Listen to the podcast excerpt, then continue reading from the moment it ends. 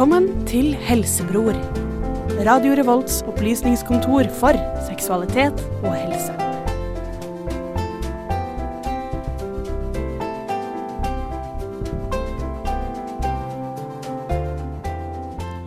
Hei og velkommen til semesterets første sending av Helsebror.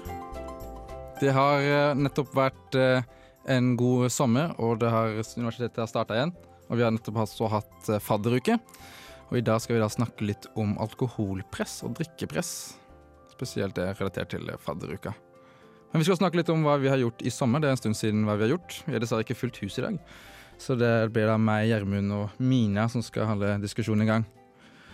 Men før det så skal vi høre på en låt, så hold med oss. Vi skal høre på Rara Ride med Foreign Lovers. Yes, det var litt av en låt. Velkommen tilbake til Helsebror her på Radio Volt. Nei da, jeg bare kødder. Dette er bare en jingle. Vi høres igjen etter dette. Ja, vi skal snakke litt om fadderuka og litt om drikkepris i dag. Men før det så skal vi tenkte jeg bare innlede litt med hva vi har gjort i sommer. Så Mina, hva har du gjort i sommer? Ja, det er et godt spørsmål. Jeg husker ikke. Nei. Jeg, jeg har vært så drita hele sommeren. Jeg husker ingenting. ass. Fylle her skylda, da. Det er så fælt når folk spør sånn, så glemmer du alt. Men uh, jeg har vært på Slottsfjell. Det er kanskje det viktigste. Festival, er det ikke det? Slottsfjellfestivalen i Tønsberg. Var det kult? Eh, Det var det hele festivalen? Ja. Og det var dritkult. Og det er faktisk den morsomste turen jeg har hatt på veldig veldig lenge, tror jeg.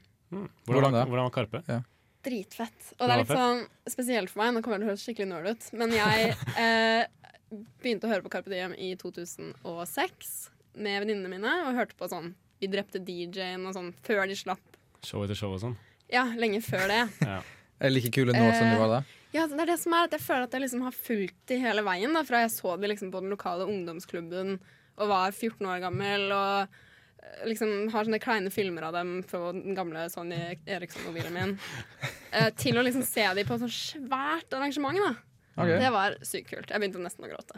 De har jo vært veldig store noen år, men nå har de Ja. virkelig tatt helt av. Altså. De solgte ut Oslo Spektrum på noen timer, jo. Tre ja, men, ja, de har ganger. tre ganger. Det er helt latterlig. Er det De seneste har- året, eller bare nå det året her? Vi er skal ha tre høsten, er ikke? konserter i april. Neste april! Ja, ja, og tre på rad. Altså tre, tre, tre dager. Ok. Alt er utsolgt på én dag. Boom. Med bare Carpe Diem. Det er faktisk helt latterlig. Det er insane. Men, eh, kudos til Karpe. Ja, Ja, det er bra for de, for si. Men nei, så det var eh, en stor del av sommeren min. Mm. Og så har jeg vært på litt hytteturer. Og så har jeg jobbet på Nasjonalmuseet i Oslo. Ja, er du guide der? Nei, jeg jobber i inngangen, så jeg selger billetter og ting. Ok. Noen gode eh, historier fra billettdisken der? Eh, det, var litt, det var et mysterium som jeg undrer litt over. Og det, var at det var en eldre mann som kom. Et mysterium?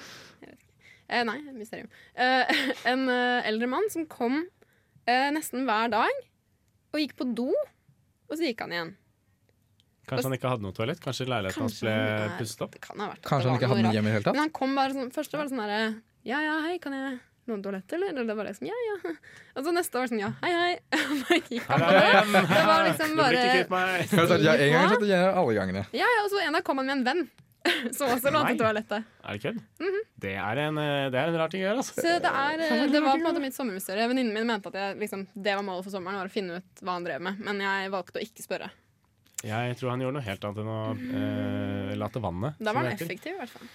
Men uh, Hva enn man gjorde, så var han jeg skal ikke spekulere i hva gamle menn gjør på offentlige toaletter hver eneste dag. Oh, Det vil du ikke vite. Du setter tanker i hodet på folk nå, da. Ja, det er akkurat det. Og det, de tankene vil jeg ikke plassere i Nei. i episode. Jeg vil ikke ha den, jeg vil ikke ha den skylden på meg. De er allerede i mitt hode nå. Mm. Skjønner jeg. Hva annet, Amina? Har du fulgt noe med annet?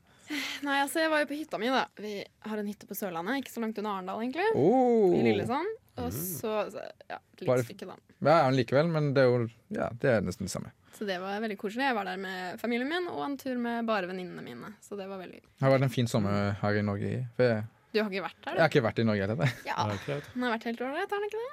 Har det vært mye sol Det har faktisk vært helt greit. Ja. Jeg syns det har regnet litt mer enn det jeg har, hadde forhåpninger om at det skulle. Men sånn overall tror jeg det er helt vanlig. Ja, jeg tror egentlig det har vært en average pluss. Ja, en veldig average. Jeg syns den har vært ålreit, jeg, ja, altså. Jeg, tror det, jeg Ja. tror vi har blitt litt bortskjemt etter den sommeren vi hadde for to år siden. Ja, akkurat. Den har jeg veldig eh, freskt i minnet. Ja. Eh, Dumme sånne ting setter gullstandarden, altså. Det er Det er litt det. farlig. Vi kan gå videre med meg. Ja, vær så fordi god, jeg for en del. har gjort så mye gøy i sommer. Jeg. Ja, ok, fortell. Eh, først så var jeg på Folgefonna, en to timer øst for Bergen. Mm. Cirka. Jeg vet ikke himmelretningene helt. Men uh, der har jeg vært og stått på ski i en uke. Uh, det var helt nydelig. Jeg har jo, som uh, våre faste lyttere vet, at mitt kne er egentlig ødelagt. Men nå kunne jeg stå seks av sju dager på ski. Eh, så det var en skikkelig sånn boost da, for meg. Men Kan du stå på ski på sommeren på Vestlandet? Ja, eh, man står på breen. Eh, Folgefondet er en bre. Eh, man kan stå på Juvas og Stryn og ja, litt Men det er ikke puddersnø da? Det er bare sånn Det er skikkelig sånn eh, påske, eh, påskeføre.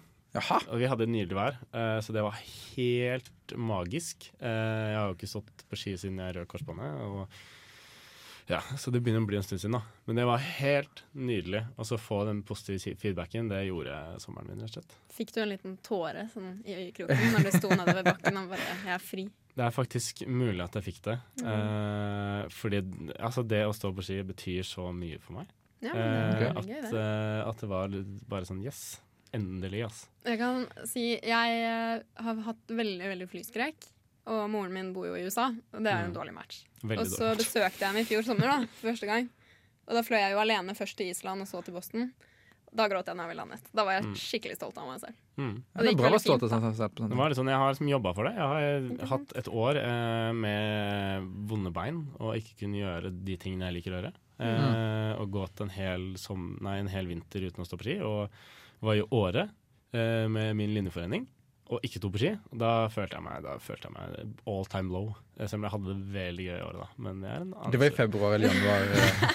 Det var i slutten av, eller midten, slutten av eh, januar, vel. OK. Men eh, videre i min sommerferie. Ja, hva gjorde du videre? Eh, etter det så gikk jeg vel fjelltur i Austheiene, som ligger i Aust-Agder, Telemark-ish. Der gikk jeg noen dager med min familie. Og så hadde jeg liksom familieting. Og så gikk jeg litt mer på fjelltur. Gikk Skogshorn i Hemsedal og bare koste meg med gutta boys. Eh, og så dro jeg til Barcelona. Det var en hyttetur inni der også, til Sandefjord. Det var kjempegøy. Eh, den kan jeg fortelle mer om etterpå, fordi den, eh, den er veldig relevant. relevant Veldig alkoholpreget. okay, Den er særs alkoholpreget. Sett en pin på den, da. Ja, og så Jo, og så dro vi til Barcelona. Den er også særs alkoholpreget. Ok, Eh, Så snakke litt om alkohol i utlandet òg, så Ja. ehm, og etter Barcelona så dro jeg og en annen til uh, Jotunheimen og gikk fire 2000-metere på to dager. Eh, det er de to mest slitsomme dagene jeg har hatt. Eh, spesielt den siste dagen, eh, hvor, vi, hvor vi gikk i 13 timer, var det vel. Og tre mil og 1800 høydemeter. Det var Altså, altså beina mine var så ødelagt. De, jeg har jeg, så vondt tror jeg aldri har hatt i beina mine noensinne. Okay. Ja, det var sånn Ikke- støl ikke muskelsmerte, liksom? Er det det? Nei, det er liksom gnagsår. Eh, bare sånn vondt i såla. Og det er bare Alt bare vibrerer, pulserer. Det er bare, de gjør bare gjennomvondt, da. Okay. Eh, men det var helt nydelig. Og så Det er Ja, det var liksom Mestringsfølelsen må være bra, da. Ja, det var piken da i, i sommeren. Eh, og så dro jeg og raftet i Sjoa etter dag, dagen etter der. Du Det var trenger også reise den andre siden av verden for å ha en god sommer. Sånn som Gjermund har vært hatt en sånn supernorsk sommer. Ja. Supernorsk. Ski på breen og Og supersunn, ikke minst. Ja, Jeg har nesten ikke drukket en dråpe alkohol i sommer, Men du, men jeg har hatt den beste sommeren jeg har hatt den noensinne. Okay. Jeg skulle si at den også har vært dritirriterende for mennesker som meg, som har fulgt med på Snap og bare sett Mm. eh, altså, dag etter dag med disse fjellbildene og sånn. Her ligger jeg og holder på å dø i Tønsberg. Og så er du Eh, Her ligger jeg og lever livet Ja. På toppen av Orker ikke sånne sunne mennesker, ass. Men Det var, eh, ja, det var helt knall. Og så var jeg her oppe og hadde kontinuitetseksamen, som også gikk ganske bra. Bra. Jeg har ikke fått karakteren ennå, men det kommer. OK. Yes, la oss uh, ta en låt uh, før det starter med meg. Jeg har ganske mye å si, så uh, La oss høre på nye Beyoncé-låta av 'Freedom' sammen med F- Kendrick Lamar.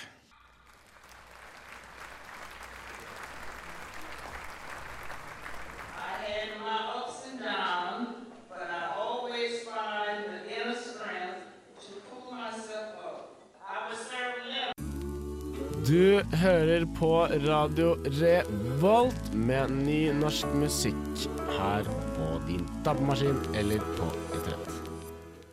Ok, Preben, hva har du gjort i sommer, da? Jo, eh, hva har jeg Kan jeg gjort? påpeke hvor jævlig fet den låta er? Ja, det kan du gjøre. Det er sånn, Jeg er ikke noen stor Beyoncé-fan. Jeg vet at det er veldig mange jenter der ute som eh, digger Beyoncé overalt. Eh, men akkurat den der, det er- den rører noe med meg. Altså.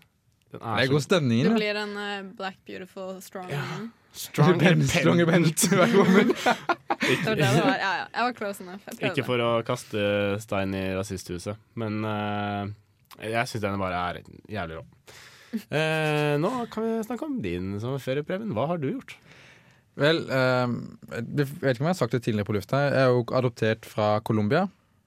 Og jeg tenker Hæ? Hva faen? Hæ? Så eh, for første gang etter jeg ble adoptert, som var i 1990, så har jeg reist tilbake i sommer. Jeg tilbrakte der ca. Ja, cirka to måneder. Og eh, fordi jeg vil gjerne oppleve det å Ja, være hadde du ikke vært der før? Nei, ja, jeg trodde, fordi du har jo vært litt sånn guide. det stemmer. Så jeg tenkte at du hadde vært guide der, jeg. Nei, det har aldri vært. Det nærmeste jeg kommer, er Cuba. Yes. Cuba, ja. Ja, det, det var litt nærme, men eh, det er liksom ikke helt Det er ikke Colombia helt, så derfor så Men er er på rekreasjonstur, eller for å kjenne røttene dine? Kjenne litt ned på røttene. Mm. Hva, Det- hva gjorde du? Jeg, jeg tok det vi kaller for en gringo trail. Det, gringo er det slanguttrykket for utlendinger, Ja. spesielt amerikanere. Og det starter da i Bogotá, som er hovedstaden. Og så reiser vi ned til Medellin, som er eh, den narkohovedstaden. Sikkert sett Narcos. Med, ja. Medin har jeg, det har jeg hørt om. ja, ja, Medellin er veldig kjent. Ja, det, var, det er en veldig fin by. Veldig europeisk prega by. Det er, Jeg likte det veldig godt. er det turistby, eller? Det er en turist, ja, det er et turistområde der som er veldig europeisk. Okay. Og så har de favela sånn utenfor, selvfølgelig, som alle andre byer. Mm. Um, vi var der en stund, godt uteliv, og vi senere så dro jeg til et sted som heter Salento. Sånn et uh, jungelområde med sånn 30-40 meters høye palmer der, som vi gjerne ville se. Veldig typisk for turister å se. Og så dro jeg ned til kysten, og så stor del av kysten. Det er jo Karibien, da. Hovedsakelig. Men du brukte to, nei, to måneder. Ja, det gjorde jeg. Eh, hvordan fikk du råd til det her? Eh, Altså, det er jo dyrt nok å. Ja, men det er liksom dyrt nok å feriere en uke i Colombia, vil jeg regne med. Og- Ja. Colombia er ikke det billigste landet. Det koster gjennomsnittlig 100 kroner natta å bo på et hostell. Hm. Og eh, det som koster mest, er kanskje mat og Ja, er alkohol. det, hva koster mat der, da, liksom? Det er avhengig. Skal du kjøpe gatemat, så kan du få det til eh, 50 kroner dagen. 50 kroner Og kjøper du noe som heter- litt grann diaré. Ja. det henger med. Så jeg gikk ned noen kilo i løpet av eh, turen. Det har jeg gjort. Man spiser mye mindre, og så har jeg ikke drukket noe særlig heller. Gjør ikke det? Nei. Jeg kan dra liksom den eh, Det er jo fordommene mine, da. Men samtidig det er, basert, det er fordommer basert på fakta, vil jeg å tro selv. Eh, at man drar til Man drar til Colombia for å prøve nye og masse dop. Ja. Gjerne rein dop. Eh, og drikke masse. Men det er kanskje, det er kanskje feil. Nei, det, det er ikke feil på noen måte. For meg så handler liksom turen noe mer om det. Jeg kunne jo ha stoppa på et punkt hvor eh, jeg bare fester hele tida. Mm. Men uh, for meg så handler det litt mer om å oppleve hele Colom mest mulig av Colombia, Mm. og se de mest kjente tingene. Og det å være og bli kjent med andre colombianere ettersom at jeg kjenner jo ingen som er 100% colombianere, bare adopterte. Men det er få litt inn i kultur, da. Mm. Det er jo bare for festkultur. Det er jo bare en liten bit av, et, av mye. Mm. Hvordan var egentlig festkulturen der? Er det sånn de, de drikker for å kose seg, eller er det for å Folk drikker for å kose. Det er helt annerledes enn i Norge. I Norge så drikker man seg gjerne til mot å gå ut og prate med folk og danse osv. Her er det ingen sosial sånn, barriere det kommer til det. Ja. Og folk danser gjerne i par, gjerne salsa eller bachata. Litt avhengig av musikken som uh, spilles. Men hvorfor doper de seg, da? Er det for å bli sånn norsk, Nei, nei. Det er ikke sikkert det er de samme folka, da. Nei, nei, men er det for å bli sånn norsk dritings? Nei, nei, nei. Altså det, hvis de doper seg, så går de gjerne på kokain for Ja. det meste. Og det, det ligger i formen hvor som helst. Det var, eh, skulle, man, skulle jeg hatt tak i det, så kunne jeg bare gått ut hostelldøra, så kommer det en fyr til deg og prøver å selge til deg. Skulle du ha tak i Skulle jeg ha tak i. Blunk, blunk. Blunk, Ta eh, tar seg litt på nesa. Så man, Hvis man har lest om kokain, så blir man veldig våken og veldig på. Så man blir i sånn festhumør uten at man får den her bakrusen Ja, ja. Så man får alkohol. Men, så de tok det på lik linje med andre tok alkohol? Så du kan, Som i Norge, ja, ja, ja, og det, tar, være- de tar det like casual. Så du kan være på en fest hvor det er, du har ett bord eh, som eh, sitter og skåler. Ja. Og så har du et annet bord som sitter og sniffer, på en måte. Vi kan se det på den måten, eller så er det sånn kombinasjon av de to, da. Ja, Men, men de er eh, liksom på lik linje. Ja, ja, ja. Det er satt sett veldig casual på. Og så opplevde jeg det som, da. Hvordan er det med lovene og sånn der rundt det? Er det liksom jeg kan Politi og narkohunder er på annethvert hjørne.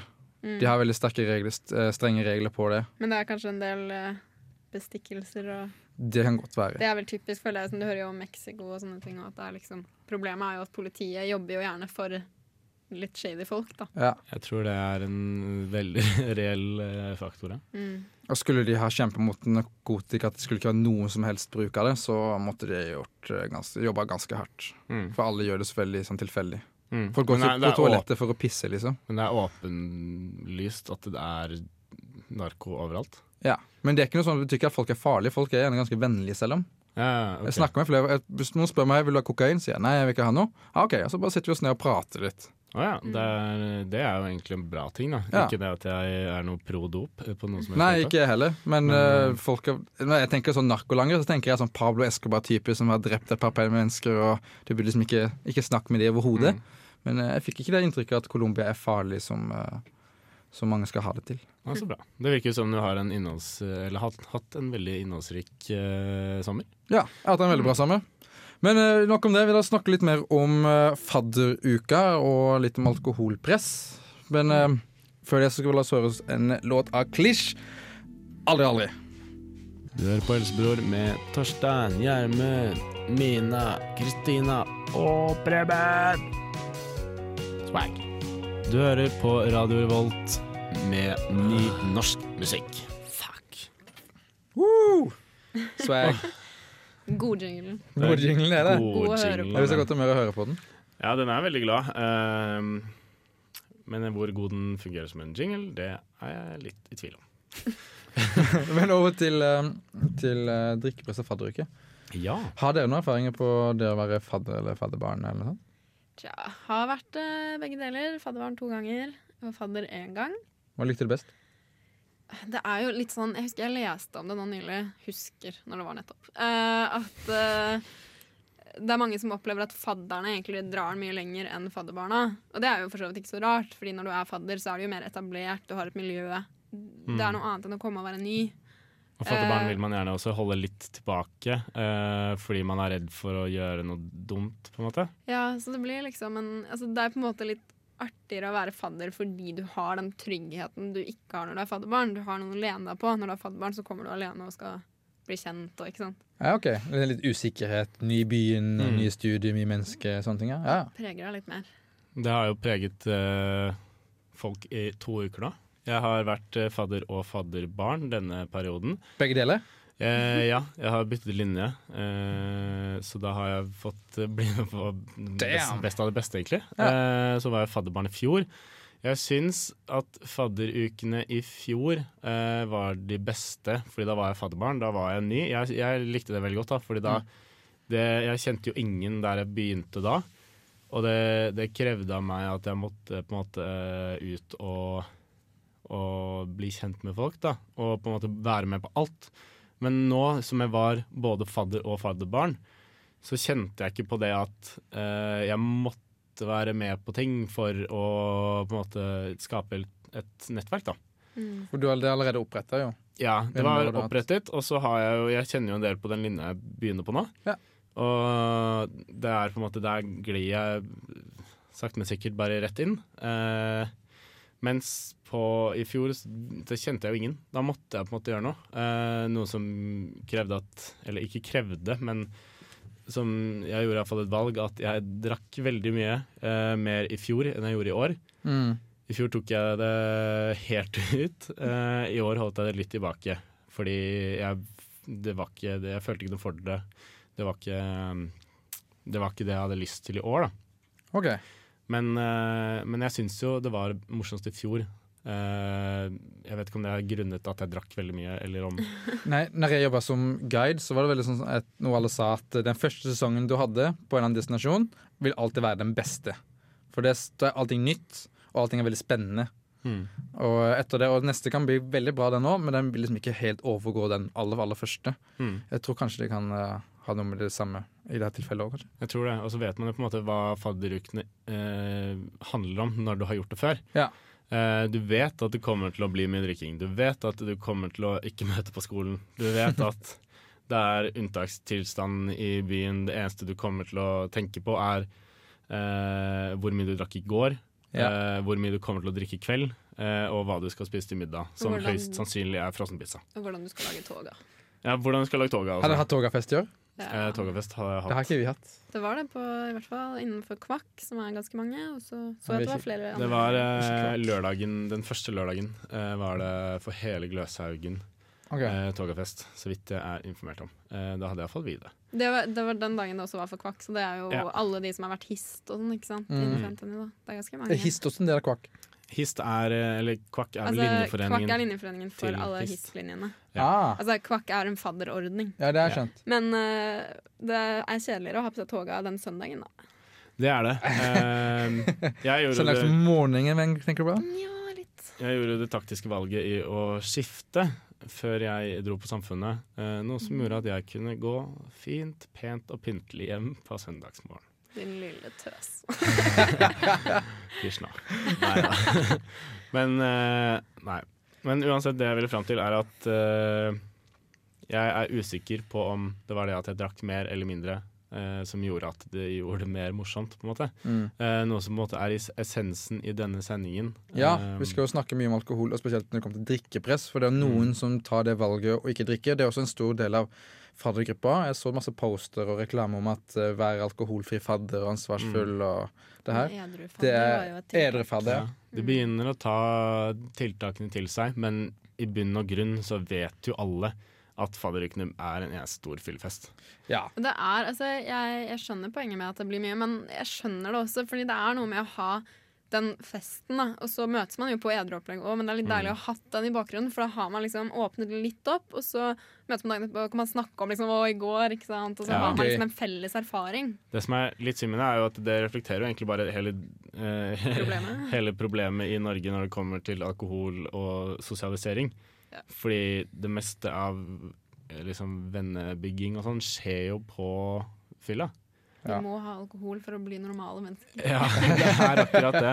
Fungerende mennesker. Det er litt synd, og, men sånn får det bare være. Jeg, eh, man er på en måte vant med det, så det- det går jo sin gang, på en måte.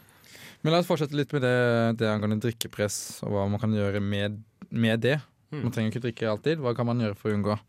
Men la oss høre på en låt først. Vi skal da høre på Elvis Kongolo, uh, 'Let's Get Together', her i Elsborg. Mammaen og pappaen deres traff hverandre for første gang. Og det slo gnister.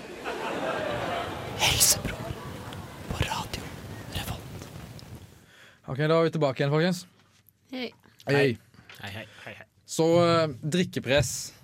Har dere kjent på det noen gang? Det er noen som har tvunget dere til å bli pressa, spesielt i la oss si, ung alder. da På ungdomsskolen eller videregående. eller når dere starta Ja. Det enkle svaret på det er ja. Eh, Fordi det var kult?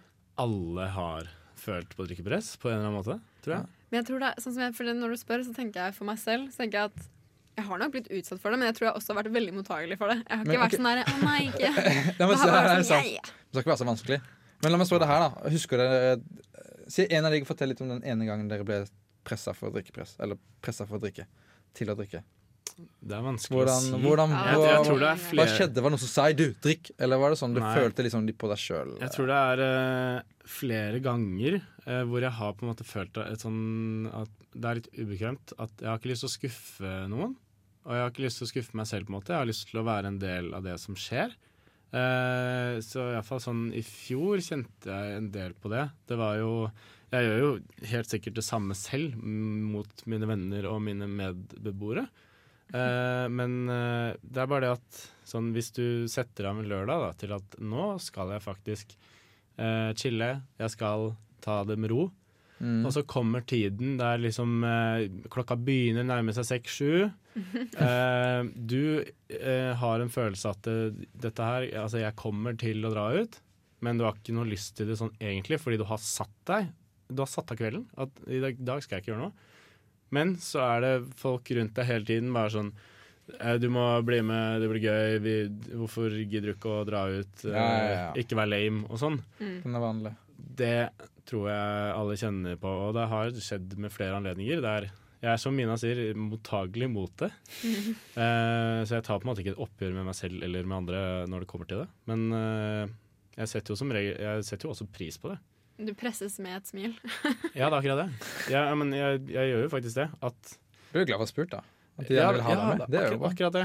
Jeg har lyst til å bli spurt, og når jeg først blir spurt, så er jeg så, da har jeg såpass liten viljestyrke at uh, jeg som regel også blir med. Hva med du, Mina? For er det noe annerledes for når man er jente? Eller kvinne? Jeg tror ikke nødvendigvis det. Jeg tror eh, det er ganske likt. Men jeg, jeg syns det er vanskelig å påpeke et spesifikt eh, eksempel. Jeg tror mer det går på det generelle presset som liksom er en sånn samfunnsgreie. Og det er jo også mer og mer, hvis du ser bare på sosiale medier og sånn, da, altså bilder som blir delt på Facebook og sånn. Ikke av det folk legger ut av seg selv, men sånn som er fra sånne like-sider. Så er det alltid sånn altså, Alkoholisme som kødd på en måte er jo veldig trendy. At Ja. du skal liksom fremstille deg selv som en alkis. Det er liksom det kule, hvis du skjønner. Men skal ikke være, man, jeg tenker sånn at man er veldig redd for å bli sett som kjedelig, tenker jeg. Ja. Det er en stor frykt. Man må ikke, hvis noen kommer hen og sier til meg Preben, du er så kjedelig, da er det jeg vil ta sånn OK, det såret. Det vil jeg ikke bli Det er kalt. litt, det er litt både òg, da. det. Det er litt både òg, fordi jeg vet om Altså, de kuleste folkene jeg vet om, det er de som tør å gjøre sin egen ting. Som ikke nødvendigvis At jeg, jeg kjenner dem ikke gjennom, eller jeg identifiserer ikke de med en sånn hard drikking. Men jeg identifiserer de med et eller annet de gjør som de liksom vier veldig mye tid og lyst og krefter til. Eh, det syns jeg er kult, men jeg vet jo også det at bilder som legges ut på Facebook, legges ut på Facebook av liksom, det er albumer med hyttetur, eh, hvor folk ligger past ut i sofaen og sånn, du har lyst til å være der. Eh, du har lyst til å være der, men Det er den der skikkelige frykten for å gå glipp av noe. Ja. Det, okay. det var jo jeg, Vi var på et møte, og da var det snakk om det. Det var noen som Ja. kalte det for FOMO, eller noe, som var Ja. fear of missing out. Og det, jeg er ille på det. Det tror jeg er mitt Mm. største press når det kommer til ting. Er at jeg er så redd for at Tenk hvis den kvelden jeg ikke blir med, så er det den kvelden de ender på nach med Ari Behn, og han er ute mot Märtha. Det er Og det er altså Og han er singel nå. 99, Ja, 99 av de gangene så skjer jo ikke det. Nei, ikke Men det er bare den, ja, det er den frykten. Det går Ja. på rent psykisk. At, Men- vet du hva, dette her vil jeg ikke gå glipp av. Ok, det er noe å si, Men du trenger jo ikke å drikke man skal ut. Du kan jo være med de som går ut og blir med på allting, bare de drikker ikke noe alkohol. Da får du jo med deg alt. Og du vil faktisk huske alt. da, For mange sier 'Å, jeg husker ingenting i går'. Og det er liksom kult. Så kan du være liksom notatboken. Eh, Ja, det kan du også blant annet være. Men eh, Men har du vært med drita mennesker klokka ett? Hvor gøy er det? Det er jo en tilpassingssak. Det. Det er så Ja, det er- slitsomt. er, De er- så det høylytte og irriterende. Ja. Så det er bare bedre å være enn en av dem? Ja. Ja. Altså, if you can't beat them, join them. OK, den passer bra inn nå. Eh, det er ikke en uh, oppfordring til uh, du som hører på. Eh, Men det, er, på det du sier der, er liksom litt apropos fadderuker. Altså, du merker det, Ja. De har jo veldig opplæring i at ikke sant? du skal ikke legge drikkepress uh, på faddergruppen din. og sånn. Mm. Så det er sånn, Alle faddergrupper starter med en sånn der fadderne er sånn Ikke noe Mm. Ja. bare, vi skal ikke ha noen leker. Altså, det sånn er det litt stemning for en drikkelek, Du, kanskje? Og så etter hvert så er det bare sånn fulla, fulla. Det Jeg- jeg- altså. jeg kjente det veldig nå som jeg var fadder. Det var den første kvelden, så tok vi det veldig rolig. Og det var liksom, Vi måtte føle og kjenne litt på det og sa liksom sånn Det er ingen drikkepress. Dere har lov til å ta det akkurat som dere vil. Jeg var liksom veldig diplomatisk på det. Men så kom vors nummer to. Og da var det hurra rundt, altså. Da var det liksom, da kjørte vi beer pong fra, fra stund nummer én. Eh, men det er sånn Jeg tror folk som, eh, som drikker, setter jo pris på at det er det drikkepresset. Jeg tror flest mulig eh, forbinder kanskje fadderuker og fylla med at det skal liksom være litt kjør, da. Man skal på en måte skikkelig ut og ralle. Mm. Eh, og når man ikke får det fordi man på en måte Man legger til rette for de som ikke drikker, da, eh, da, da føler jeg at du går glipp av noe, da. De har en forventning om at det blir skikkelig kalas, og så får de ikke det fordi andre drikker. Og det setter jo igjen et, eh, et press på de som ikke drikker, Fordi da blir de liksom sånn De blir uglesett, da. De blir sånn De som de som, ja, de som ikke drikker og setter eh, festen til de andre litt på vent. Mm. Det siste spørsmål nå. Um, hvis det for kommer en eller to stykker på en fest hos, la oss si hos deg, Gjermund, og de drikker ikke, vil du, du vil akseptere det like bra som alle andre? Eller du tenker at det, er, det var litt rart at ikke de drikker? Hva tror du de gjør? Har det vært noe sånt? Har Altså, du tenkt på det? Jeg er veldig åpen for det. Jeg syns det står veldig stor respekt av uh, dem som ikke drikker. Det kan være personlige valg, det kan være dypere grunner til at de har et problem med alkohol, på en måte, eller at de har Kan være det? Hva var det mine? Jeg legger meg ikke opp i det. Og Mm. jeg, jeg syns det står respekt at de tar det valget, og da syns jeg de, de får gjøre sin ting. Hvor ble det, Mina? Har du, har du jeg, tenkt? også, jeg har vært på vors hvor det var en jente som ikke drakk, og, men hun var fortsatt med på drikkelekene. Vi hadde liksom eh, sånn Mm. flip cup eller et eller annet, og hun spilte og drakk vann, og hun hadde det jo kjempegøy. Går, men jeg tror liksom det blir også litt annerledes. Det er et skille mellom de som ikke drikker, men fortsatt er med på moroa, og de som ikke drikker og skal sitte i et hjørne. Ja, sant? det er noe med at Da må du på en måte også være komfortabel med å gå litt ut av komfortsonen og, og være med, da, til tross for at du er edru. Ja, det tror jeg er en veldig stor del av det. Jeg tror det er veldig mange der sliter å finne sin rolle da, som en edru på, eh, på et vors eller på en fest. Mm. eh, hvor, man, hvor man vet at man er den elefanten i rommet. eh, men man har lyst til å på en måte være med på det. Men man kan ikke det av andre grunner. Mm. Så det blir, eh, det blir sånn å finne sin rolle da, som edru. Det tror jeg veldig mange har problemer med. Jeg har gått en sommer eh, I fjor sommer så gikk jeg nesten, jeg gikk nesten to måneder uten å drikke noen ting alkohol. Jeg har litt tips og triks på hvordan man kan løse det.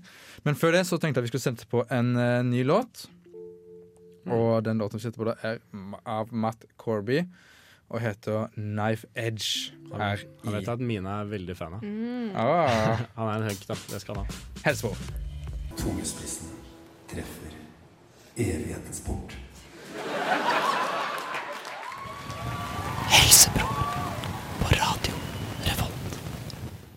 Ja. Gå alkoholfri på fest. Jeg har en, en, kamerat, eh, jeg har en kamerat fra russetida som ikke drakk noe som helst. Og han var alltid den som virka mest full. For han var alltid den som dansa med folk. Og han tok altså initiativ til å prate med folk og hadde alltid gøye samtaler med noen. Så alle tenkte at ok, han må være kjempefull, han fyren der. Så sier jeg alltid nei, vet du hva, han kjører. Mm. Jeg har blitt, jeg ble så inspirert av det. Og i fjor sommer så tenkte jeg at skal jeg prøve en sommer uten å drikke noe. Og da kommer det drikkepresset. Folk tenker som akkurat, hvorfor drikker ikke Preben? Er han litt kjedelig? Hva er det som er skjedd? Hva er, det som er nytt med han nå? Og istedenfor å, å slippe det maset, da. Og når man drikker vann, for da ser folk at du er på vannvogna, da får du alltid kommentarer, og folk byr deg på øl, og det blir mye mas. Er, Ah, du- er du gravid, eller? Ja, Nå har jeg, jeg sånn følelse at du skal komme med et råd som jeg også har gjort. Jeg håper at det er det du skal si. ja, jeg kjøper alkoholfri øl, jeg. Ja, det er nesten det. Ja, jeg gjør det. Jeg kjøper, jeg kjøper gjerne sånn som uh, Carlsberg alkoholfri. Den har helt lik emballasje og flaske som vanlig.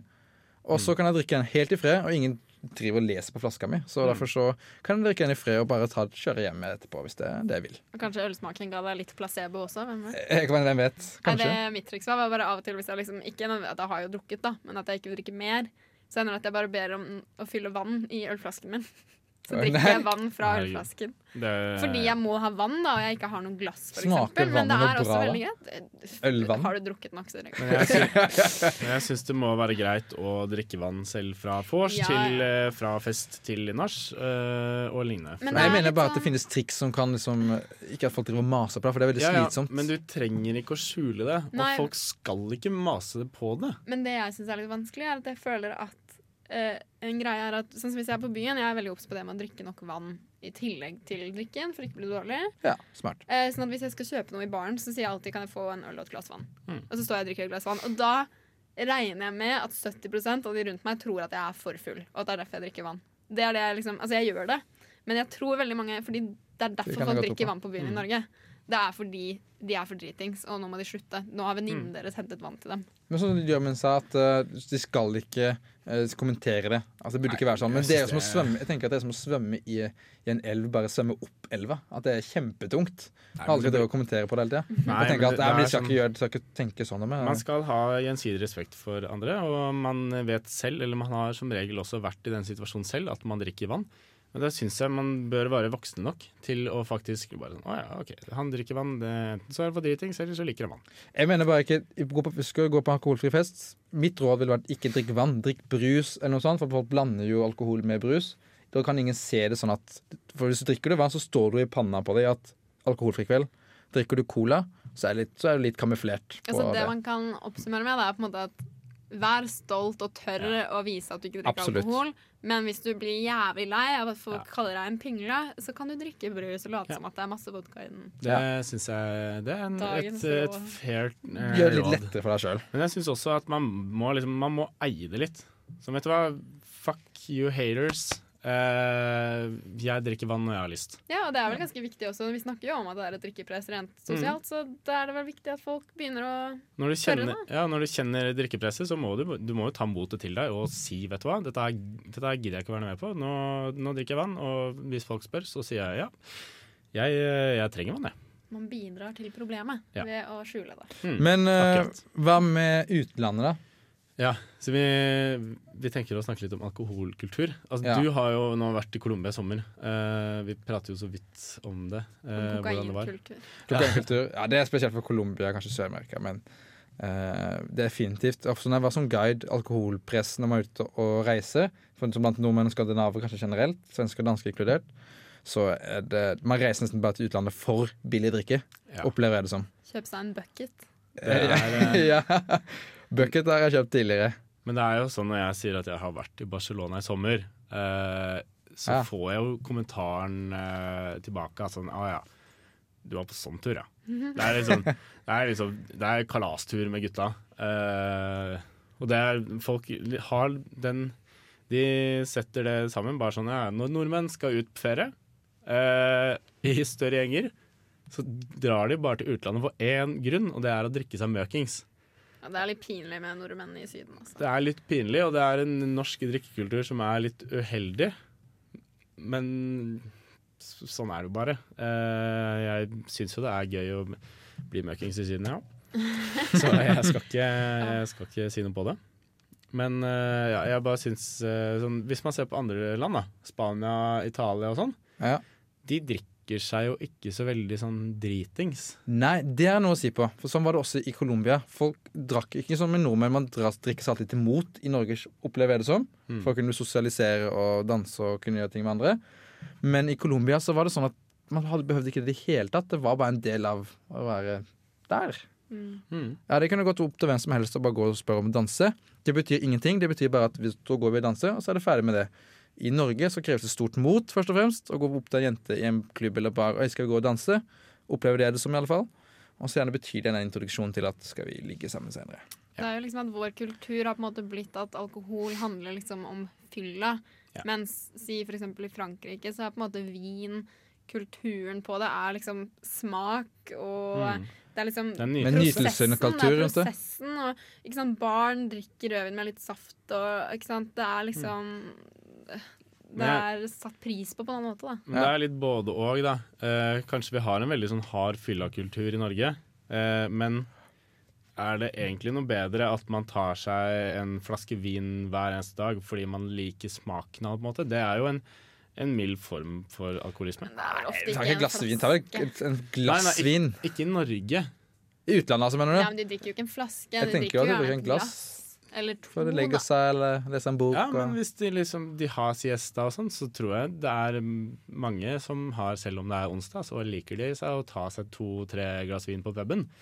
Det er en sånn Det er en helt annen kultur, da, men det er som Altså, man kan ikke si at det er en sunn alkoholkultur, det heller. Om den kumulative effekten er den samme. Ja. I Bulgaria så har de sånn, etter frokost så er det veldig van eller lunsj det er veldig vanlig å spise chopska-salat, nesten som gresk salat. Og da drikker de alltid noe som heter rakia, som er lokal brennevin til. En shot til salaten. Sweet. Er det rissprit? Nei, det er uh, laget på rester av vin. Ok. Smaker forferdelig. Det er anis-brennevin heter det. Hmm. Nei, men eh, jeg bare problematiserer litt den at uh, vi sier at norsk drikkekultur er så jævlig, men det er nødvendigvis ikke bedre andre land heller. Nei. Selv om uh, den norske kanskje er litt sånn hardere. Den er Vi rølper. Ja, vi rølper, rett og Ja. slett. Vi drikker ikke for, uh, for smaken eller for drikkens skyld. Vi drikker rett og slett bare for å, å bli en annen. på en måte. Man Jeg syns det er å rømme fra sin egen virkelighet. Uh, for Man prøver å rømme fra noe. Mm. Altså Istedenfor å bli bli mer sosialt. Eksempel når man tar bussen og alle er edru, ingen snakker med hverandre. Men uh, hvis du er ute og drikker, så uh, snakker alle med hverandre. Og det syns jeg er veldig synd. I mange andre steder rundt i Europa så er det ikke slik. Da snakker folk med hverandre. For det er som man er. Og i Norge ble jeg litt mer sånn introvert, det kjenner jeg da, når man ikke drikker. Men uh, vi kan snakke evig om det her. La oss sette på en låt før vi går videre. Uh, la oss sette på Father John Misty med Real Love Baby. Jeg heter eh, ja, Hva står det her, da? Eh, Bare Bare Egil står det her. Eh, Du hører på Radio Revolt. Ja, velkommen tilbake. Drikkepress uh, fortsetter vi på. Utlandet. Drikke seg drita. Mm. Ja, fordi det jeg tenkte på, da, er at jeg føler veldig ofte så fokuserer man på at vi er så rørt på det her. Og det er på mange måter ikke sånn f.eks. i USA, at de har ikke den samme sånn hardcore-fylla mange. Men de har jo også en veldig kultur på det når det kommer til frat parties og Ja. Også i England så ser du jo herregud som de kan rølpe, altså. Men det er jo liksom visse grupper av mennesker, da. Sånn som for eksempel studenter i USA.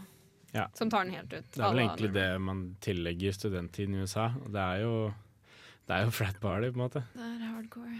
Så det er jo det, det, er gøy, da. Vi, har ja, vi har alle sett American Pie. Har vi ikke det? Ja, så man kan, ikke, man kan ikke bare tillegge Norge å være disse jævlig, jævlig rølpefylla. Eh, det hender nok i flere land enn vi tror, men Norge er kanskje litt ekstrem på det, fordi vi har, det, vi har liksom rølpefylla fra vi er mellom 14 og 16 år til vi er 60. Men jeg føler at sånn er det også i mange steder i England, eksempel. Ja. Ikke kanskje sånn i London, men hvis vi går litt mer ut. Liverpool, Ja, eh, var Manchester og sånn. Men jeg tror også at nordmenn liksom legger litt stolthet i det. Fordi det er noe Ja. vi liksom Vi er vikinger, ikke sant? Vi har det liksom Ja, Mm. for det er litt morsomt. For hvis du går ut og du er litt full og du sier vi har drukket mye i kveld Nei, vi har drukket fire øl. Har du bare drukket fire øl? Er du full Ja. allerede?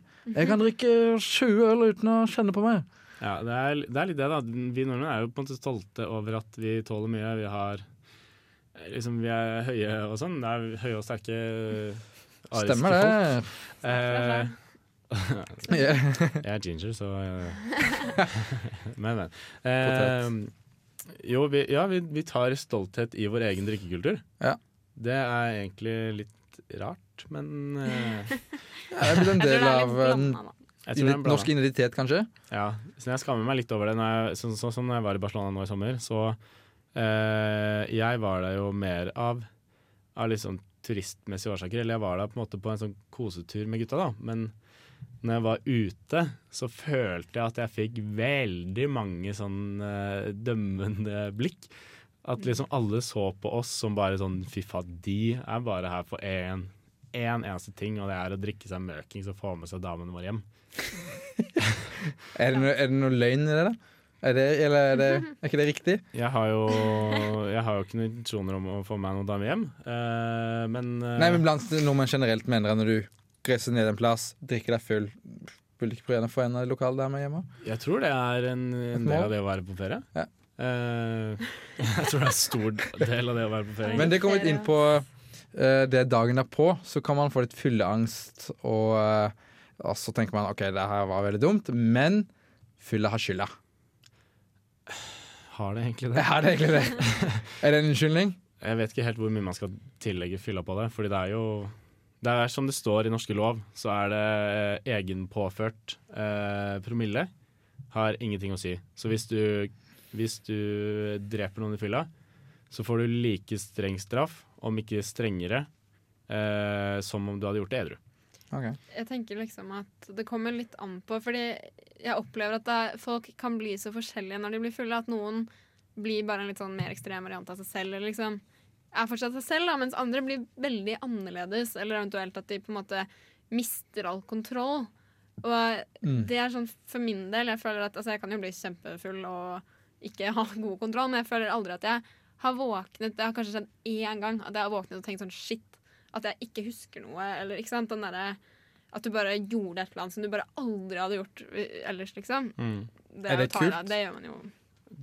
Det er jo litt uheldig da, hvis du må bruke alkoholen som en unnskyldning for å slippe deg løs, eller for å vise hvem du er. Og så tenker jeg at hvis du, hvis du vet med deg selv at når jeg drikker så og så mye, så våkner jeg dagen etterpå er sånn Oi, herregud, hvordan endte jeg opp med å gjøre det? Det kan jeg ikke huske at jeg gjorde. Da må du prøve å kontrollere deg litt. Ja. Og så må man kanskje ta et oppgjør med sin egen, eh, sitt eget liksom Hvem man har lyst til å være, da. Har man lyst til å være den eh, som ikke drikker så mye på fylla, eh, men gjør alle tingene? Eh, som regel vil man jo være den personen, men det er ikke så kult å være liksom sånn eh, Du kommer dagen her på, og så ser alle på deg fordi du har gjort et eller annet dritt, og du vet ikke hvem det er. Eller hva det er. Å, det var så utrolig perfekt! Det var det du mente. Er det personlig erfaring her nå, Gjermund? Nei, det er ingen personlig erfaring det jeg sier. Oh. Eh, men ja, jeg tror man må, man må ta et oppgjør med seg selv hvem man har lyst til å være. Ja. Uh, spesielt når man er full, fordi da slipper man som regel de styggeste demonene i seg fram. Mm. Uh, og det kan jo være på godt og vondt, men som regel så er det jo best å være lik på fylla som du er egentlig. Bare litt gladere. Liksom. Ja. Kanskje gladere. Ja, du, Jeg du gjør det. for å bli litt sånn mer Jeg har en erfaring av at eh, alkohol påvirker det humøret jeg allerede er i, eller forsterker det humøret jeg allerede er. Har jeg en, har jeg en dritta, og jeg drikker, så blir det en verre dag. Ja. Og jeg er godt, starter i godt humør og er på et vorspiel, for eksempel, sammen med alle beste venner og sånn, så blir det gjerne en god kveld på byen. da. Det er jo en typisk smell folk har, da, at de er sånn De er lei seg, og så tenker de nå skal jeg dra ut og nå skal jeg ut med venninnene mine, så skal Ja. vi ha det gøy, og så skal jeg glemme det. Og så begynner jeg å gråte på do. Ja, Det det, er det er, eh, veldig uheldig. Ja, det er veldig uheldig. ja, OK, men la oss avslutte det her nå. Uh, la oss høre på en ny låt igjen med Christine and the Queens. IT. Her er Helsebror. Og du lytter til radio Revolt. Er det, er det virkelig Aqua? Det er helt virkelig Aqua. Du De hører er det danske. stemmen. Er- Hun er ikke dansk nå. Nei, det stemmer. Okay. det Lene Nystrøm, tror jeg hun heter. Oh, ja. Eh, Jeg håper jeg sa riktig navn nå, da. Men hun har sånn bare ja, stemmen. Det er Aqua, Aqua-Lene. Ja, stemmer. Eh, ja. Vi Ja. tenkte å, å nevne noen sånne tiltak eh, mot vår stygge alkoholkultur her i Norge. Kanskje mm. for studenter eh, spesielt.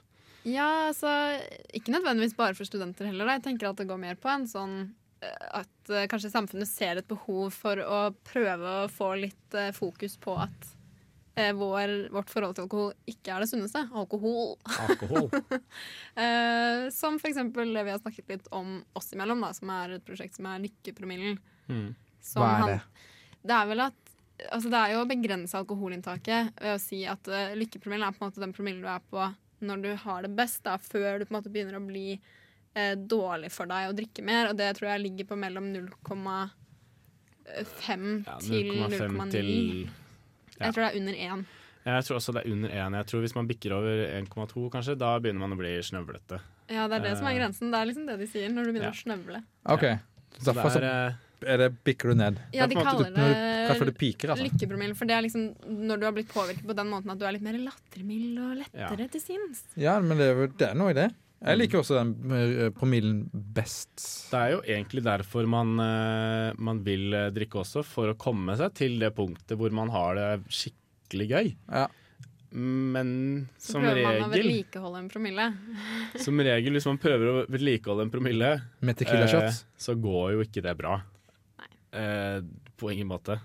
Men eh, jeg syns det er et veldig bra tiltak. Fordi er det, det er veldig mange som ikke kan begrense sin egen drikking. Spesielt for eh, deg som hører på, som gjerne er en ny student Mm. og kommer kanskje fra videregående. Det har ikke vært så mye hard festing. Eh, har, Russetida, da.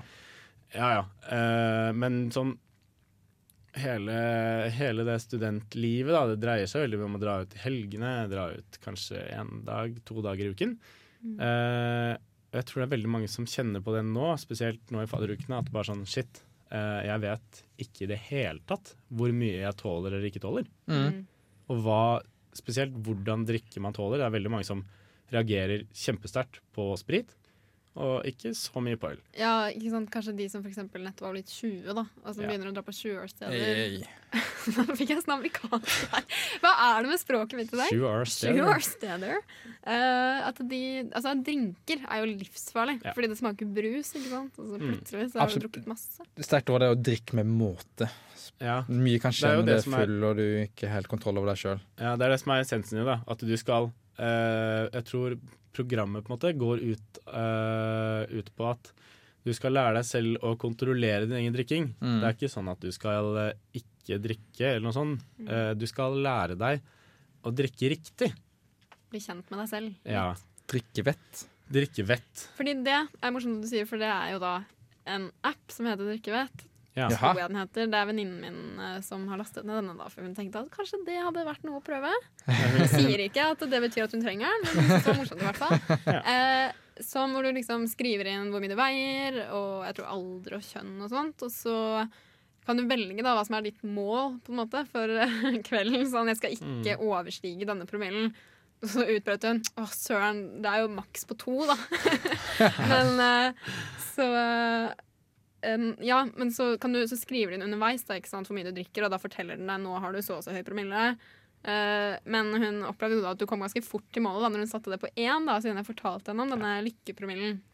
Det var ikke så mye som skulle til før hun hadde nådd målet, holdt jeg på å si. Grensen. Ja. Det skal vi visst prøve å laste ned. Vi prøvde, jo, vi prøvde på en måte å finne en, et svar på hvor mye promille man fikk av, uh, av en øl eller en drink og sånn. Eh, og det blir jo sånn å si at du får 0,3 promille av en øl. da. Så må du drikke 3,5 pils for å komme deg til 1, og du begynner å snøvle på 1,2. Så uh, Du må virkelig være obs på hvor fort du drikker, uh, hvordan dagsform du har, hvor mye du har spist. Eh, det er så ekstremt mye mer enn bare konsumet i seg selv som har noe å si hvordan fyllelanding kommer til å være. Ja, jeg tror også at de fleste blir veldig overrasket over hvor raskt du når en viss promille. Da. Jeg tror Ja. jeg har et, eh, en vanskelig manglende forståelse for det. Mm. Ja, jeg er enig i det.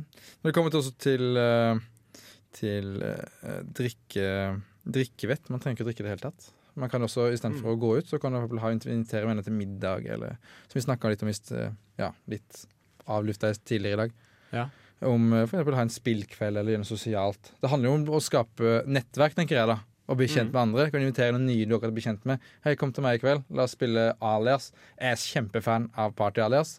Og jeg synes at det bryter mange sånne sosiale barrierer, for du må liksom mime og uh, lage historier og sånt. Mm. Og det er en gøy måte å drite seg litt ut uten at det går for langt. Jeg liker jo å kalle sånne type aktiviteter hytteaktiviteter. Ja. Mm.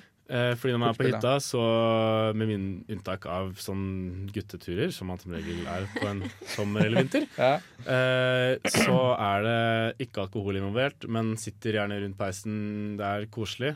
Og det er, fokuset er på at det er koselig, og da blir det gøy. Og eh, heller det fokuset, da. Men du kan jo selvfølgelig også ha det eh, fokuset på fylla, at i dag skal jeg bare ha det gøy. Og det er det disse tiltakene er for, det. da. Yep. Og sånn, det syns jeg egentlig er veldig positivt, og jeg tror det er en oppfordring vi kan gi. At man må, man må tenke litt over hvor mye man tåler. Uh, ja.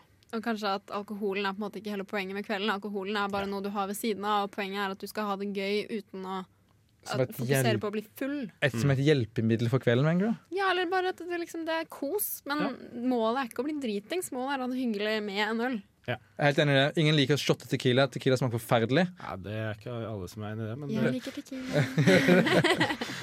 Eh, så eh, bruk det som hjelpemiddel. Ja. La oss avslutte det hele her eh, og sette på en ny, ny låt. Jeg tenkte å sette på Ma Mike Snow. Mike Snow. Mike Snow, The Heart of Me. Vi skal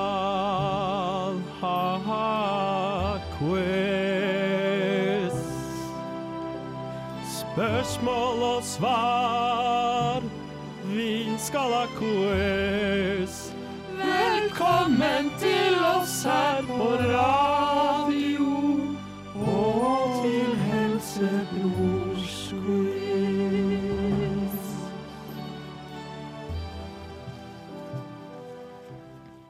Det er noen i den der, der jinglen som har så fantastisk god stemme. Jeg tror det er Som avslutter så bra. Hjernen min er ikke så imponerende. Nei, Hørte du ikke Andrea Bocellin her, eller? det er ganske fett. La, la, la, la. Nei, men Hva har du på programmet? Eller på si? Hva har du for oss, eh, Gjermund? Ja, Det er meg mot når- Mina i dag. Når jeg mot hører gutta. så vakker sang, så er det quiz som er duket for, altså. Ja. Jeg har ventet hele sommeren på dette. Ja, Prepared. Jeg kjenner jeg bare, Det er sånn Med en gang vi begynner med quiz, så bare surner jeg. Jeg er bare sånn, Nå er det on. Ja, ja, det er gameface, gameface on. Preben, get your gameface on. Preben kaster ting. Ok, eh, Minuspoeng til Preben for å kaste ting. Nei. Det er en, ja. pluss 0,5 poeng for uh, rivalisering. Det liker jeg. Uh, ja. Vi har en quiz om alkohol, fordi det er dagens tema. Guri land. Guri land, altså. Første spørsmål. Hvor langt tilbake kan man datere alkoholproduksjon? Er det A 15 000 år? Er det B 7000 år? Eller C 12 000 år? Meningen svare først, for jeg vet svaret. Åh, men jeg har så utrolig dårlig tidsperspektiv på historie. OK. Uh, jeg velger å si skikkelig. Eh, Jeg sier tolv. Du sier 12? Det er sju. Du sier Sju. Ja. Du skulle ikke vært så sk jævla sikker på at du kunne det, Preben. Det var tolv! Tolv tusen år, det er mange år siden, ass.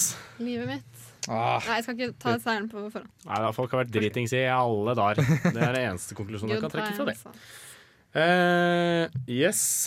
Hvilken alkohol likte uh, seileren Columbus? Er det A. Sherry? Er det B. Øl? Eller er det C. Rom? Åh, jeg tenkte rom før du sa det. Preben begynner. Uh, sherry. Men det var Er det, som, svaret ditt avgitt? Mm. for det var det jeg begynte å lene mot. Nå blir det vanskelig. Da må jeg bare si rom, da, selv om jeg egentlig følte litt sherry. Ja. Du må nesten gi et svar. Rom. Du sier om Det var dumt, Det fordi det var var sherry. Ah, Da er det én igjen. rom. Spørsmål nummer tre. Hvordan drakk vikingene ølet sitt? Var det av krus? Var det av hodeskaller? Eller var det av horn? Horn. Må jeg svare, kan jeg svare det samme? Ja. Horn. Det kan du Du må svare Men noe jeg vil svare hodeskalle, men jeg sier horn. Ja, du skulle svart hodeskaller, fordi det var riktig! Nei! jo Hallo! da. Jeg Jo, historikere peker på det at eh, vikingene de drakk av hodeskallene til de de hadde drept i ja, slagmarken. Du skjønner jo at vi er stolte av vikinger. Ja, Farken eller norsk fyllakultur. Nå skal jeg ut og kjøpe en hodeskalle. Ja. Spørsmål nummer fire. Det er fortsatt Nå En, kan det en. ikke gå nå. Dere gjør det ganske dårlig, syns jeg. Men, men. Eh, hvem fant opp drinken Manhattan Cocktail? Var det A. Moren til Donald Trump? Var det B. Moren til Abraham Lincoln? Eller var det C. Moren til Winston Churchill? C. Ja, det ser jeg også. Dere sier begge C. Kan jeg også få si at du må lære deg å si Manhattan? Manhattan? Manhattan! Det er ikke Danmark. Dansk måte. Manhattan.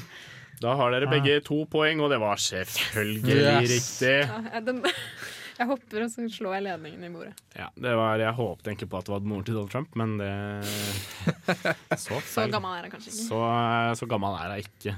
Eh, yes. Hva må linjeakevitt være utsatt for? Hvis dere kan svaret, kan dere få to poeng ved å svare uten alternativer. OK, jeg kan svare. Det må over ekvator. Ok? Svaret er hvitt? Ja. Du kan få svaret jeg svare, kan jo ikke, altså, du kan få svaralternativer. Ok. Får vi se om det er riktig eller ikke. Det må krysse polarsirkelen. Det må krysse ekvator én gang, eller krysse ekvator to ganger. Ja, det blir to ganger. For det må fram og tilbake. Sånn. Svaret ditt er avgitt. Nei, å nei, nå OK. Uh, dere ser så lure ut. Jeg får helt spader her nå. Uh, jeg, jeg sier én gang bare fordi jeg ikke har lyst til å høre på Preben, selv om han sikkert har rett. Ja, dere svarte begge en gang. Du hadde dessverre gitt ditt svar, men du var inne på riktig svar etterpå.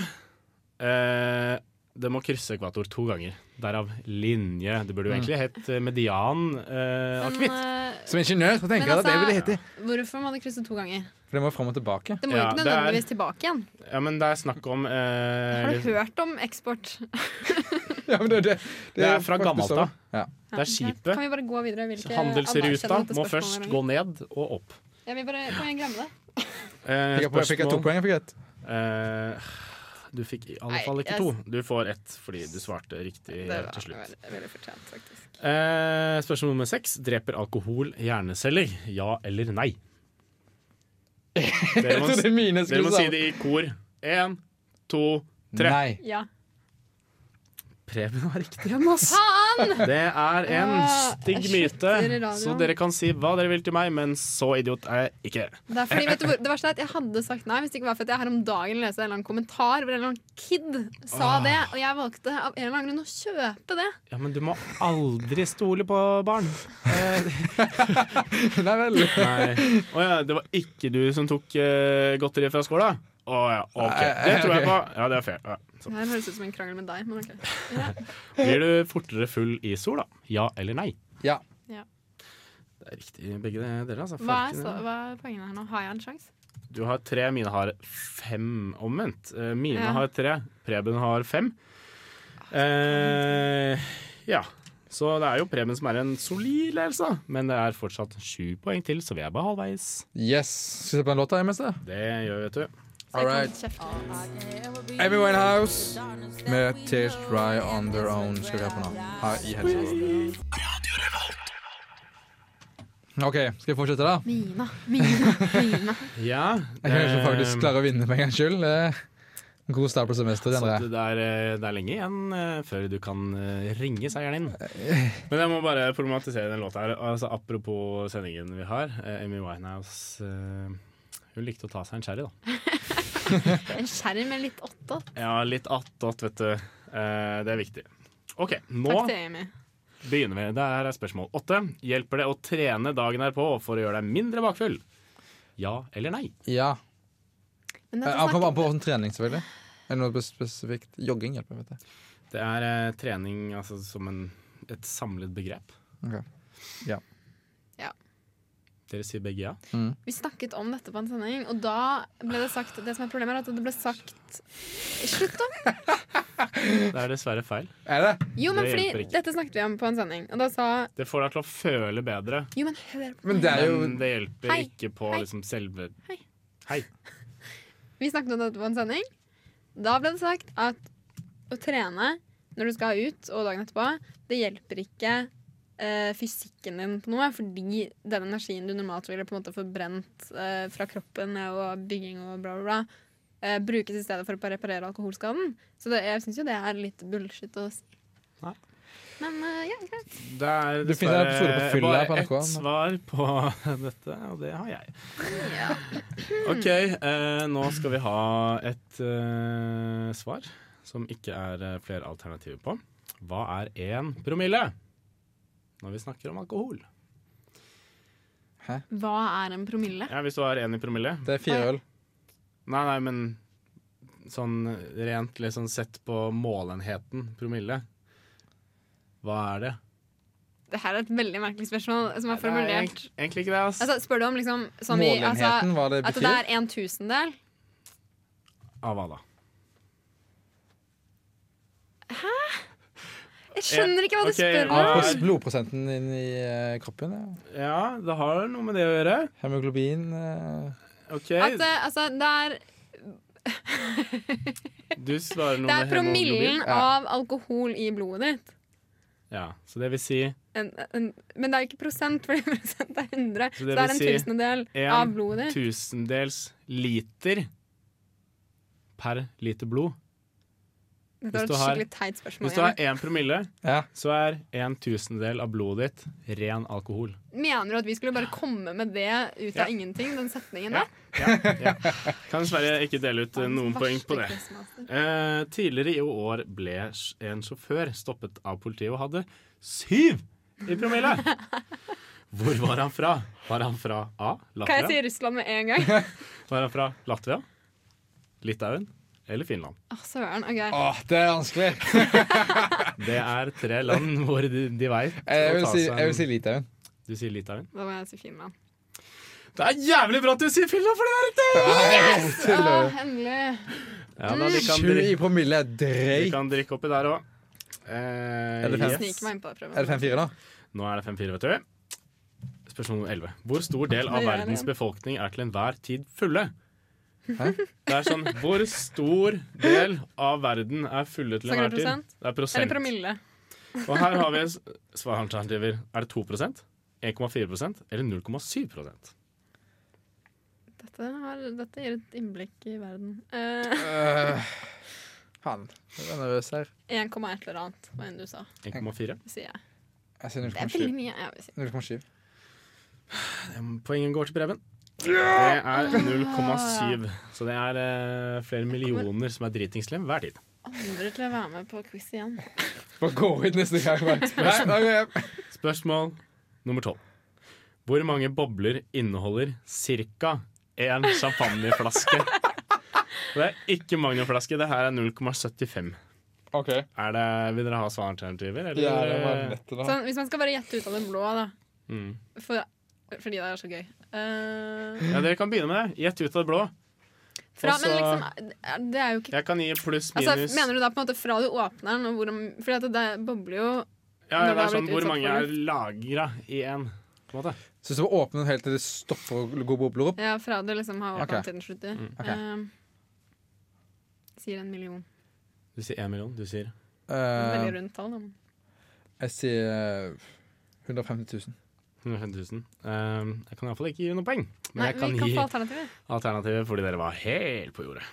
Er det A 34 millioner? Er det B 49 millioner? Eller er det C 68 millioner? Kan du gjette det en gang til? Jeg sier A. Jeg sier B. Du sier A, du sier B. Du bare tar Ja, den. jeg har feiling. Nei, det er farken Preben som er Ah! 49 millioner bobler! Det er, det er mye, ass. Men du må Men- tenke på hvor små de er, og hvor jævlig mange bobler det er. Ja, det er så Kan vi det bare- slutter jo aldri å boble. Understreke at av oss to så var det én av oss som brakte o- inn ordet millioner her. Og det er denne taperen.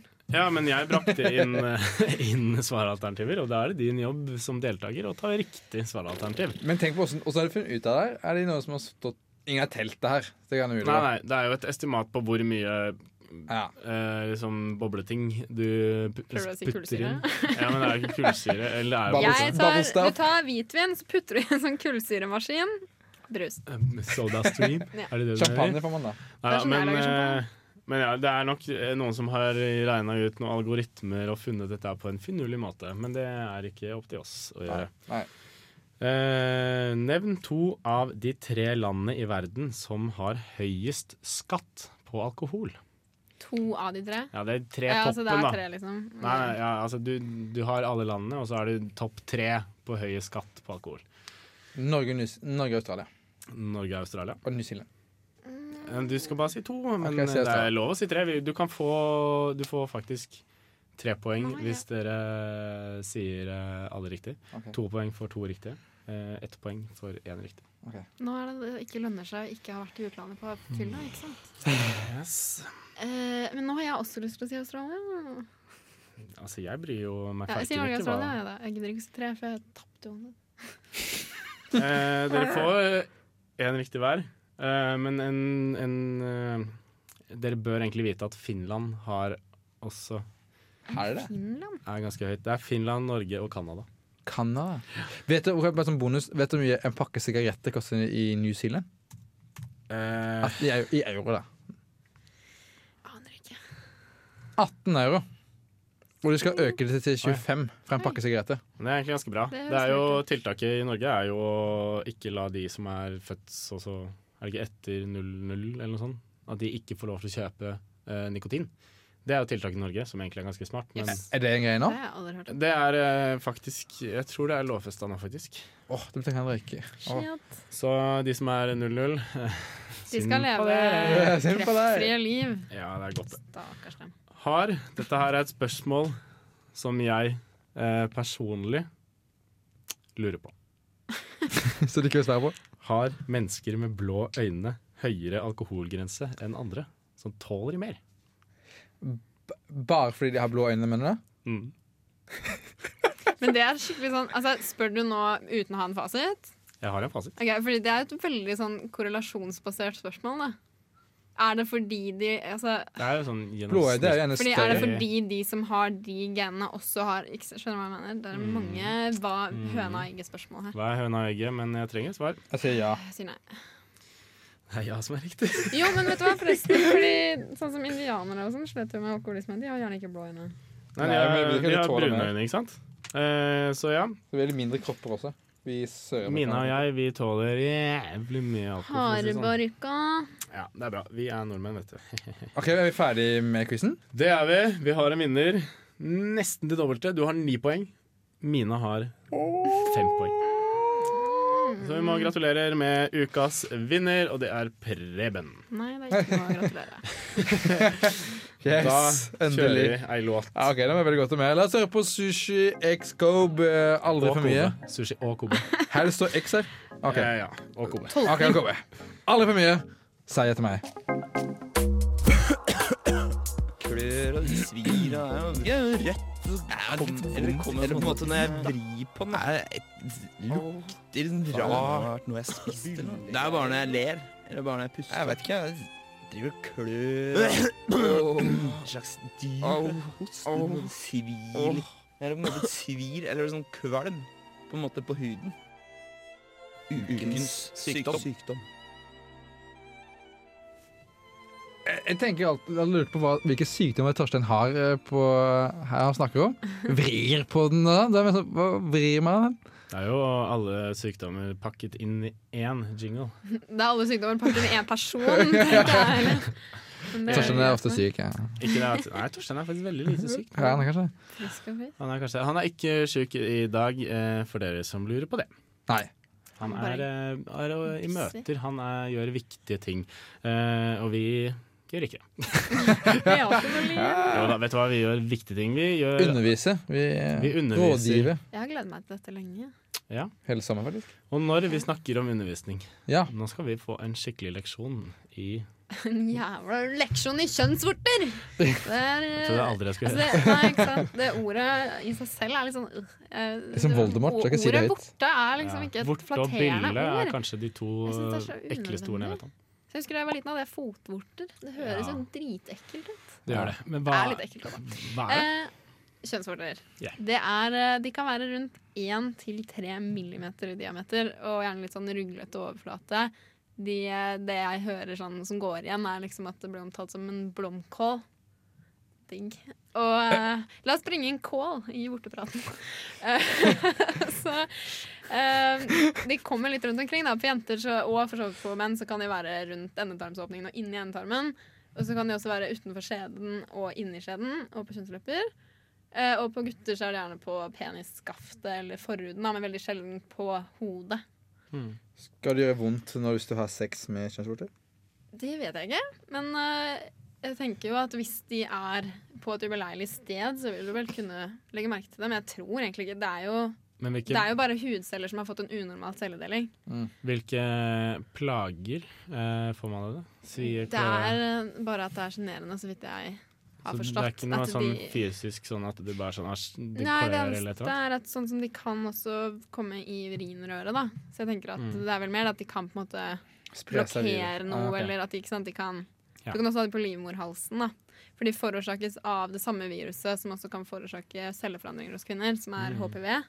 Mm. Men det er to spesifikke typer som er koblet til det her. Det er 90% forårsakes av type 6 og 11, tror jeg det er. Hvordan eh, får man det? Det er jo da gjennom eh, seksuelle Er det den eneste måten du kan det på? Uh, ja, men det er det, seg, eller? Ja, for det som er at du Det finnes sikkert noen røverhistorier om det, da. Men eh, det smittes gjennom seksuell kontakt, men det kan smittes fra hud til slimhinne. Sånn at du kan smitte det fra fingre, f.eks. Mm. Så hvis du får en liten håndjager, for eksempel, så kan du det her? altså. For Ja, si men da må du jo ha eh, tatt veldig på en- mannlig måten. en. Men da må du jo ha tatt på en kjønnsvorte først. Da. Så noen må jo ha, det må jo være noen kjønnsvorter inne i bildet. Kan man, Ja. få, eh, kan man få kjønnsvorter i analåpningen ved å ha vaginalsex? Ja, det, man kan Altså, du trenger ikke å ha hatt analsex for å ha fått det. Nei, okay. Så det Eh, og det er også et problem, i- at, fordi du anbefaler jo å bruke kondom, og det hjelper, men det er ikke alltid nok, da, fordi det smitter også gjennom hudkontakt. Ja, tydeligvis. Så kondom er ikke alltid nok. Kan du være bærer uten å ha utflod selv? Uh, du kan uh, Altså, når du har HPV-viruset, så tar det fra én til seks måneder før du får vortene. Og det de sier, tror jeg er at du må gå et halvt år, eller jeg husker i hvert fall et halvt år, uten symptomer for å kunne si at du er kvitt viruset. Okay. Så jeg vet ikke helt hvordan det er med hvorvidt du smitter da, når du har Mm. viruset, men ikke har Det er vel som regel noe som veldig mye annet at man sitter når man har utbrudd. Ja, jeg tenker også jeg at det er tro. kontaktsmitte, så Eh, hvordan, eh, hvordan behandler man det? du kan enten medikamentelt med altså, noe- noe som du pensler på vortene da, over en viss tidsperiode, eller så finnes det kremer. Og så hvis du har veldig store eller det på en måte ikke går bort, da, så kan du også gå til legen som kan prøve for eksempel å fryse det bort. Det husker jeg gjorde på føttene mine da jeg var liten. Det var kjempevondt. Ja, det har jeg også gjort. Det er ikke ubehagelig. Eller andre metoder, da. Mm. Også, men de går ofte over av seg selv. Men det kan ta opptil flere år. Oi, år, ja. Mm. Det er jo ganske sjenerende. Ja, spesielt hvis du er i din beste alder. Beste seksuelle alder. Ja. Den De er regner- jo livet ut, egentlig. De regner at 10% får det før de blir 45. Ja. Oi, I det løpet var av så livet. Så da er eh, vår oppfordring er uh, bruk kondom, og uh, sjekk deg hvis du har noe. Ja, Sjekk deg etter, etter hver gang du har hatt et uh, samleie som ikke er kjæresten din. Det er ikke så lett Ja, å. Akkurat kjønnsvorter er litt sånn, du vil jo oppdage det hvis de dukker opp, men det er ikke noe du kan Du kan teste deg for HPV-viruset, men de gjør ikke det normalt hos legen. Jeg tror du må ha påvist celleforandringer eller noe sånt for å teste deg for det. Så jeg er litt, Ok. Eh, det er ikke så lett å få påvist akkurat det der. Okay. Skummelt. Det er ikke så lett å unngå heller. Jeg vet at 80% av mennesker som er seksuelt aktive, får en form for HPV i løpet av livet. da. Mm. Men det fins flere, flere, altså mange mange typer av okay. viruset.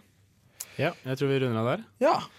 Uh, vi har snakket om alkoholpress. Jeg kan bare si at det er ikke farlig, da. Det er jo greit å legge til når det var så dystre tall på Ja. det. Uh, Det er ikke forbundet med livmorhalskreft heller hos jenter. Det er kjekt å vite for oss gutter. Ja, grattis til konene deres. Ja. Nei, men så bra. Det har vært en veldig flott sending, og vi skal høre ei låt på vei ut. Ja. Det er du som styrer dette, Preben. Young Dreams uh, After City skal vi ha for nå. Ja, takk for oss. Vi kommer tilbake neste uke. Jo!